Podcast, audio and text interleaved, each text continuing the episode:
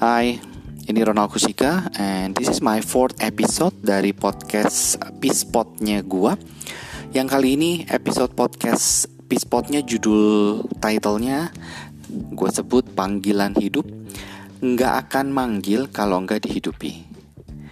Kenapa ngambil title itu? Karena gini, karena gue lihat bahwa uh, di zaman gini uh, kita sudah sangat uh, well fed dengan informasi ya, dengan knowledge. Kita udah punya akses mudah sekali dan kita udah pada tahu uh, definisi mengenai uh, passion, talenta, calling, bahkan uh, something like ikigai. Mungkin gak cuma ikigai nanti juga mungkin akan banyak kali teori-teori lain seperti ikigai yang bagus banget. Bagus banget itu makin clear uh, yang bisa uh, jadi panduan hidup kita, jadi goal hidup ya, jadi life goals uh, dan bahkan bikin sesuatu jadi excited ngejarnya, betul nggak? Jadi alasan buat kita bangun di pagi hari berikutnya untuk ngejar apa yang kita udah baca atau yang kita tahu. Nah, cuma yang jarang dirilis adalah bahwa apa yang yang tadinya keren sebagai ide yang nempel di kepala itu bakal beda ketika udah harus dituliskan kadang-kadang apa yang udah yang cuma nempel di kepala begitu kita ditulis kita tulisin jadi oh nggak sekeren yang gue yang gue kira ya yang nggak sekeren yang gue pikirin ya begitu udah ditulis. Kerasa nggak sih? Dan apa yang udah dituliskan itu pun bakal beda loh begitu udah diucapkan. Jadi apa yang tadinya nempel di kepala kalau menurut gue ya penting banget kita tulisin. Kita tulis dulu karena bisa beda nanti ketika udah ditulis. Dan apa yang udah ditulis kita harus ucapkan. Karena pun bisa jadi beda begitu udah diucapkan. Dan apa yang udah diucapkan pun bakal jadi beda begitu udah dilakukan. Jadi kalau menurut pengalaman gue gue ngerasanya apa yang udah nempel doang sebagai ide di kepala itu harus ditulis.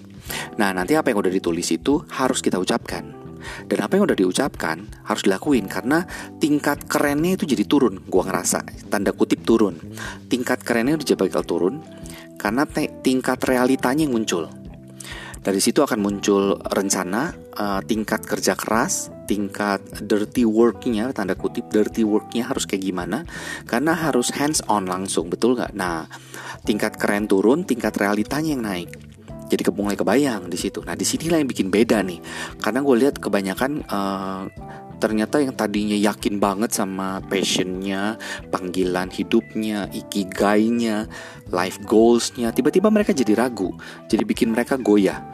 Banyak banget passion, talenta, calling yang jadi goyah, jadi ragu uh, ketika pas udah ditulisin, diucapin dan dilakuin banyak mereka mikir gini karena oh kalau gue ngerjain passion gue kalau gue ngerjain talenta gue kalau gue ngerjain calling gue harusnya enak dong semuanya. Nggak ada yang nggak enak karena kan gue lakuin hal yang gue suka.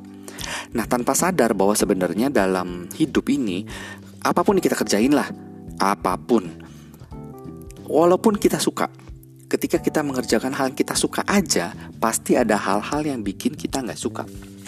Contoh nih ya biar jelas ya. Kita suka contohnya sederhana kita suka makan tapi kita nggak suka bayar makannya setelah itu. Nah terus kita suka nonton tapi nggak suka sama ngantrinya. Lalu misalnya kita suka traveling nah tapi nggak suka sama packingnya. Lalu kita suka olahraga nih wah tapi nggak suka bagian bangun paginya. Dan kita suka hidup jadi berubah tapi kita nggak suka kerja kerasnya Nah, sadar sama passion kalau kata gue itu bagus banget. Kalau diikuti dengan kesadaran bahwa bakal ada kerja keras mengikutinya, bakal ada dirty work nih, tanda kutip dirty work yang mengikutinya.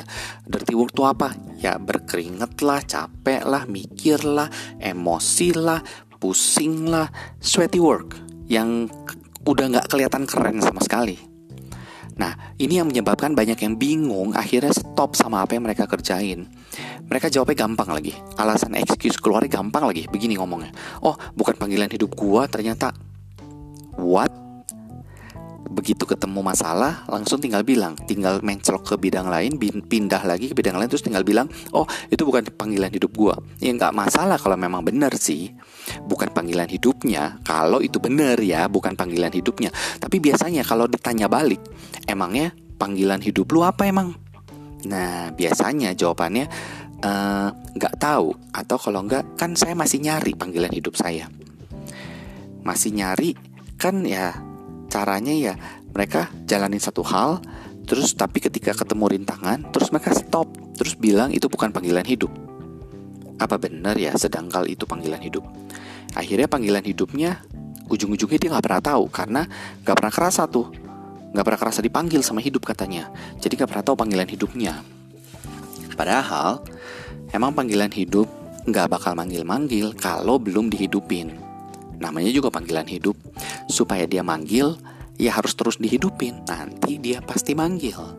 Coba dulu. Ya nggak apa-apa sih nanti pindah juga tapi coba dulu dengan tantangannya. Nah biasanya begitu ketemu tantangan nggak dicoba lalu bilang pakai alasan oh bukan panggilan hidup gua. Tipsnya adalah coba aja dulu plus dengan tantangan-tantangannya jangan apa-apa bilang nggak jalanin karena nggak suka karena dalam jalanin hal yang kita suka aja selalu ada kok hal yang kita nggak suka satu-satunya makhluk yang gue tahu kalau cuma mau lakuin apa yang dia suka doang itu cuma satu, namanya anak-anak. Nah, anak-anak tuh pengennya ngelakuin cuma apa yang dia suka doang. Begitu disuruh lakuin hal yang bener, dia bilang ah gak suka ah.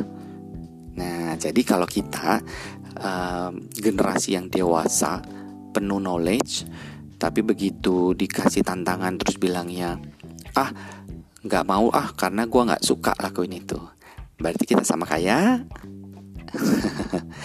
Segini dulu ya episode dari gue yang kali ini. Uh, thanks for listening. Sampai ketemu nanti di episode berikutnya. Thank you.